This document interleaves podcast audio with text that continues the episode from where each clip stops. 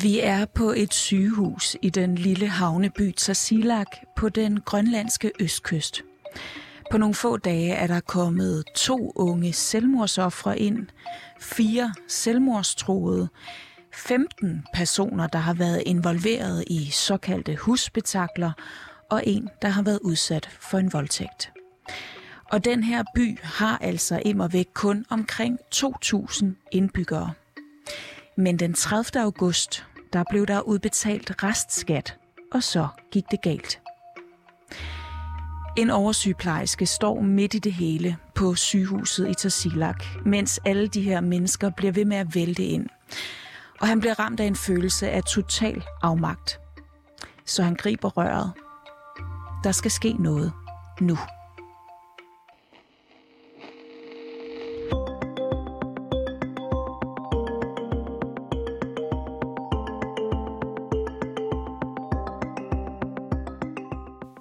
Den 3. september indførte man et øjeblikkeligt stop for al salg og udskænkning af stærkt alkohol i Tasilak. Det blev man nødt til. Ikke fordi det som sådan løser byens store sociale problemer, men fordi det gav et øh, akut nødvendigt pusterum, som var afgørende, for sygehuset i byen kunne ikke følge med det høje antal alkoholrelaterede indlæggelser og henvendelser. I dagens udsyn skal vi øh, tale med en journalist i Grønland, der skal gøre os klogere på den her situation og på, hvorfor den overhovedet opstod i første omgang.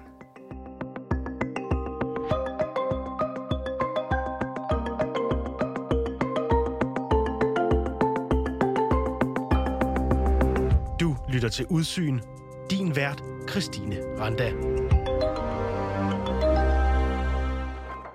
Lige pludselig så stod sundhedsvæsenet i en situation, hvor at de skal behandle de almindelige øh, sygdomsforløb, og lige pludselig så, så, blev, så blev systemet simpelthen bare overbelastet af, af alt det her. Så derfor så, så råbte de vagt i gevær og henvendte sig til kommunen, og borgmesteren øh, lavede så en anmodning om at få, få indført det her forbud, som Naalakisuisut, øh, som er parlamentet, de er godkendt, og, og så blev der lukket helt ned i 14 dage så man ligesom kunne, kunne følge med i sundhedsvæsenet. Philippa Majgaard, journalist i Grønland. Nu var jeg lidt inde på det i min intro, hvor jeg nævnte nogle konkrete patienter på sygehuset i øh, uh, Tassilak. Men når de kommunale myndigheder i Tassilak beretter om en pludselig stigning i såkaldte alkoholrelaterede indlæggelser og henvendelser, hvad dækker det så sådan helt konkret over? Altså, hvad, hvad betyder det? Jamen, det dækker øh, over alt fra, øh, fra, fra slagsmål, hvor folk kommer til skade øh, fysisk. Det dækker over øh, overgreb, over øh, altså, øh, ja, berøring af børn. Det dækker over øh, deciderede voldtægter. Det dækker over øh, selvmord. Det dækker over en, en hel masse ting, der starter op. Og især øh, overgreb på børn er jo noget af det, som, som man har meget fokus på i Grønland, og som har været et, et stort problem øh, i Dasilak har hver andet barn en, en børnesag. Det er, øh, og, og det kan også være vold. Altså det kan også være, når forældrene har drukket for meget, øh, at, øh, så er der sådan en, en, en tendens til, at så, så slår man, eller så bliver man voldelig eller aggressiv, øh, hvis man ikke kan styre sit alkoholforbrug. Så det er, det er sådan nogle ting, de kan få alt fra en brækket arm til, til en voldtægt ind i sundhedsvæsenet. Og man er altså ret sikker på, at den her pludselige stigning i alkoholrelaterede indlæggelser og henvendelser hænger sammen med, at indbyggerne i Tasilak fik udbetalt restskat der den 30. august. Der er der også fortilfælde, hvor uventet indkomst netop har skabt en stigning i de sociale problemer i Grønland. Det gælder for hele Grønland, at, at ting er meget dyre, så når man får ekstra penge mellem hænderne, så, så, øh, så køber man det, man, man normalt ikke kan har, har lige så, så god adgang til. Øhm, og det er så enten alkohol, der er også nogen, der, øh, så, hvor det er fødevare eller øh, tøj, eller, altså det kan være mange ting, men det der med at have ekstra penge mellem hænderne, det er en, det er en stor ting i Grønland, fordi alting er så dyrt.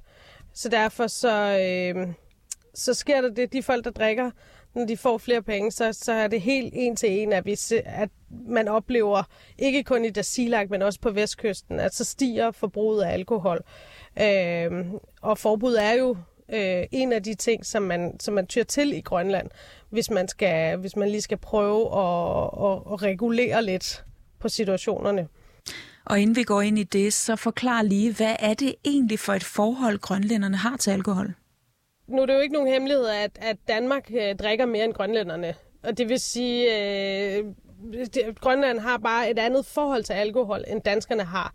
Men det, der er med Grønland, for eksempel altså, alle hyggelige arrangementer, man har med venner og familie i Danmark, det involverer næsten en flaske vin, eller en god bøf, eller god mad og, og alkohol på en eller anden måde. Det er ligesom en del af en kultur, at, at vi bruger øh, alkohol, når vi er sammen i et eller andet socialt lag, øh, så får man en god flaske vin. I Grønland er jeg holdt op med at drikke vin for det er simpelthen for dyrt. Øh, jeg drikker ikke vin, øh, med mindre at jeg er til fest, øh, hvor der er noget alkohol serveret. Jeg, jeg tager ikke en torsdag aften, hvor jeg får en god bøf og en flaske rødvin, for jeg gider simpelthen ikke at bruge øh, så mange penge på, på en, en flaske rødvin, fordi så starter det, vi er jo vant til også, at så får man noget, der så kan man godt købe en god flaske rødvin for 200 kroner i Danmark. Altså i Grønland starter den den billige flaske rødvin på 200-300 kroner. Altså, så det er sådan, det er bare dyrt. Og det gør unægteligt også, at, at øh, de der luksusting, dem skruer man ned for i hverdagen, og så skruer man op for dem, når der er særlige lejligheder, eller man har fået ekstra penge. Ja, og så kan der blive brug for et alkoholforbud, eller et forbud øh, mod salg og udskænkning af alkohol, som det vi så fra den 3. til 17. september i Tarsilak. Og det er altså set før, at man tager sådan nogle midler her i brug. Her under coronapandemien har man blandt andet oplevet både i Nuuk og i Sisimiut, øh, som jo er over på vestkysten, at man lukker helt ned øh, for alkoholsalg i en periode det har, øh, altså under corona har det handlet om, at man jo lige pludselig skulle, folk skulle isoleres. Man lukker jo byer på en helt anden måde, end man gør i Danmark. Øh, altså, ja, vi så det lidt i Nordjylland på et tidspunkt, hvor man, hvor man lukker et område ned. Men i Grønland, der er det jo, så afskærer du jo hele, hele hovedstaden. Du kan ikke rejse hverken til Grønland eller ud af Grønland, fordi nu ligesom er sådan et, et kernepunkt. Øhm, og så for at sikre, selvfølgelig for at sikre smittespredning, det var jo nummer et, men også for at sikre, at børn trygt kunne have en hverdag derhjemme, så, øh, så imødekommer man det her, sådan så at, øh, at når folk bliver isoleret og ikke kan så meget, øh, og man lukker de her små samfund, jamen så går man ind og kontrollerer øh, salg af alkohol. Og generelt, både historisk og altså også den dag i dag, er regulering, restriktioner og ja, decideret forbud mod salg af alkohol, redskaber man bruger aktivt i Grønland. Det er faktisk et yndet politisk redskab. Det er noget, der ligger politisk, altså det er noget, man politisk tager stilling til, der er, man kan ikke købe alkohol før efter klokken 10 om formiddagen. Man kan ikke købe det efter klokken 8 om aftenen. Man kan ikke købe det søndag og i weekender og sådan nogle ting. Og det er fordi, man skal huske, at at alkoholsalg i Grønland først blev liberaliseret omkring 50'erne. Så, så Grønland har, har, altså skal finde sine ben at stå på i forhold til det her med alkohol. Og det er altså... Øh, det, der blander det sig med partipolitik øh, på lige fod med alle mulige andre ting, fordi det afføder så mange sociale problemstillinger. Og Tassilak i øst og hovedstaden Nuuk i vest er nogle af de steder i Grønland, hvor det ser aller værst ud, når man kigger på politiets årsstatistikker for for eksempel overgreb. Det er en del af en, en kultur, det er en del af, af en problemstilling, som, som har været i Grønland mange år, som stiger i takt med, at der er større arbejdsløshed, der er større mismod, der er større... Altså, det er jo et samfund, der er ved at, at genfinde sig selv efter at gå fra at være et fisker-fangersamfund til at blive et, et mere industrialiseret samfund og et mere øh, moderne samfund. Og det, der er nogle ting, der, der ligesom er i gang. Der er sådan en udviklingsproces i gang, og der er alkohol øh, og alkoholrelaterede overgreb, de er, det, er bare, det er bare et stort problem. Men hvorfor egentlig det? Altså, hvordan er det konkret, at, øh, at den her udvikling påvirker grønlænderne? Altså, det starter jo hos forældrene, som, som har haft et erhverv, som de har levet af i mange år. En, en hverdag, der har set uh, ud på en bestemt måde. Pludselig så står man i en situation, hvor at det er meget få, der kan leve af at være fiskere, for eksempel. Og især i Dasilak, som jo er øh, som jo er et sted, hvor at, at der er en meget stolt øh, fisker- og fangerkultur. Øh, lige pludselig så øh, er der ikke, øh, altså, mm, ja, både i takt med klimaforandring, og øh, der er ikke lige så mange valer. Øh, der, er, øh, der, der er ikke lige så mange aftagere til, til det, og der er nogle store øh, grønlandske trawlerindustrier, som, som fanger fisk og har den internationale handel. Altså den lille lokale fisker har ikke særlig gode kår i Grønland, og det betyder, at man skal finde ud af, hvad skal man så? Man skal efteruddannes, man skal, man skal, man skal, man skal jo simpelthen skifte bane. Og ikke nok med det, så står mange grønlændere også over for andre udfordringer. For eksempel er der stor boligmangel i Grønland. Der er rigtig mange steder, hvor man bor mange flere sammen, end, end man egentlig, en, egentlig skal. Øh, hvad der egentlig er, er plads til en bolig, og det betyder jo også, at børnene øh, de har ikke ro til uddannelse, lektielavning og alt sådan noget. Så, så, så der er også en hel uddannelsesproblematik, som, som starter. Altså, øh, så, man, så børnene har, på, på ikke, har ikke samme adgang til, til uddannelse og udvikling, som man har andre steder i Grønland. Så der, der er Østgrønland, de er lidt hårdt ramt, hvis man kan sige det sådan. Øh, fordi de er deres eget isolerede samfund, men hvor at, at ja, der, er mange, der er mange store omstillinger i gang på samme tid. Og det, altså, samfundet skal ligesom have en eller anden chance for at følge med i det. Øh, men, men, men der er bare der er bare virkelig mange sociale problematikker, som, som er i gang på samme tid. Og det her, det skal ses i lyset af, at Grønland har skulle gennemgå en udvikling på noget, der ligner 50 år. En udvikling, som Europa måske har været 300-400 år om. Hele udviklingen af, at, at små bygder bliver affolket, fordi folk øh, bevæger sig mod de større byer. Det samme har vi jo set i Danmark, hvor at små landsbysamfund bliver lukket ned og sådan nogle ting, hvor man skal til at genopfinde sig selv, hvis man vil hvis man vil overleve, hvis de små samfund skal overleve.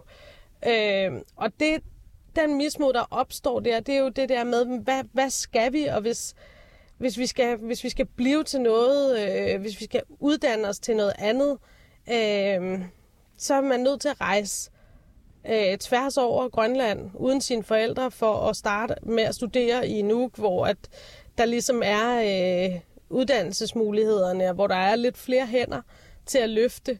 Og det, øh, det, det er overvældende for de her børn, og hvis forældrene ikke har, øh, hvis forældrene ikke har økonomisk mulighed, eller ja, så, så, så opstår der bare nogle problematikker, øh, hvor at, at man, man ender i sådan en ond cirkel af, at jamen, hvad skal der blive af mig? Altså, der er nogle, nogle unge mennesker, der har udtalt til de grønlandske medier, at de står i en situation, at de bare jamen, de ved ikke, hvad de, hvad de skal med livet. Altså, hvad er meningen for dem?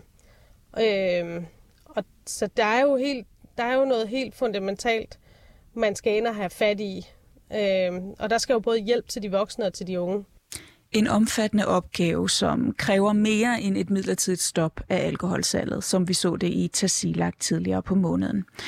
Men nogle gange, så er der jo bare brug for akutte løsninger. Og Filippa, myndighederne i Grønland begrundede det her øh, midlertidige stop af alkoholsalget med behovet for et pusterum. Hvad skulle man konkret bruge det her pusterum til? Pusterummet er jo til at få, altså sådan helt lavpraktisk er det jo til at få ro øh, for, for sundhedsvæsenet. Altså det er jo for at få mulighed for at have sengepladser nok og behandlingsmuligheder nok til de mennesker, der bliver indlagt. Øh, det er jo lidt ligesom øh, under øh, coronaepidemien. Det har man været virkelig stram i Grønland med, fordi der ikke er respiratorer, der er ikke nok sygeplejersker. Herhen over, her, øh, over sommerferien, hvor sygeplejerskerne har strækket, har man ikke kunne få ekstra hjælp fra Danmark, hvis der opstod en akut øh, situation i Grønland. Man, man, man er udfordret af de her geografiske distancer og af, af hænder. Altså man mangler hænder til at løse opgaven.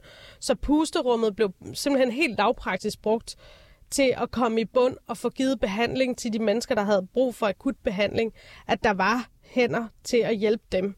Øh, at der var øh, politiet havde mulighed for at reagere på de henvendelser, de fik, og, og behandle øh, de anmeldelser, de fik. Men det lader også til, at borgerne har fået brugt det her pustorm, blandt andet til at få mobiliseret nogle kræfter og i gang sat nogle initiativer, som skal forsøge at løse de her store sociale problemer i Tasilak. Det, der er sket, mens der har været lukket ned, det er øh, en del af det her pusterum, det er, at Dasilak har, har øh, gået sammen. De har holdt et borgermøde, hvor omkring 250 borgere deltog, hvor de har lavet nogle forskellige initiativer. Øh, blandt andet, at de vil lave nogle, nogle arrangementer øh, hver fredag, når det har været den første, øh, og der har været lønudbetaling, som skal være alkoholfri. De øh, har åbnet et øh, fritidshus lidt før tid, hvor de unge kan komme, øh, de unge, som er udsatte, kan komme og øh, ja, få en overnatning eller være sammen, når, der er, når bølgerne går højt derhjemme. Øh, så, så der er en, øh, altså Dasilak-borgerne gør selv en masse ting for at imødekomme det her, fordi øh, langt de fleste vil gerne have vendt den her spiral. Men det er nok bare ikke helt nok, det her. Problemet er så stort og er så rodfæstet i, i, i mange grundlæggende ting, at de har brug for, at de har brug for, at der bliver gjort en større indsats, øh, altså øh, både fra myndigheder og politikere øh, fremadrettet.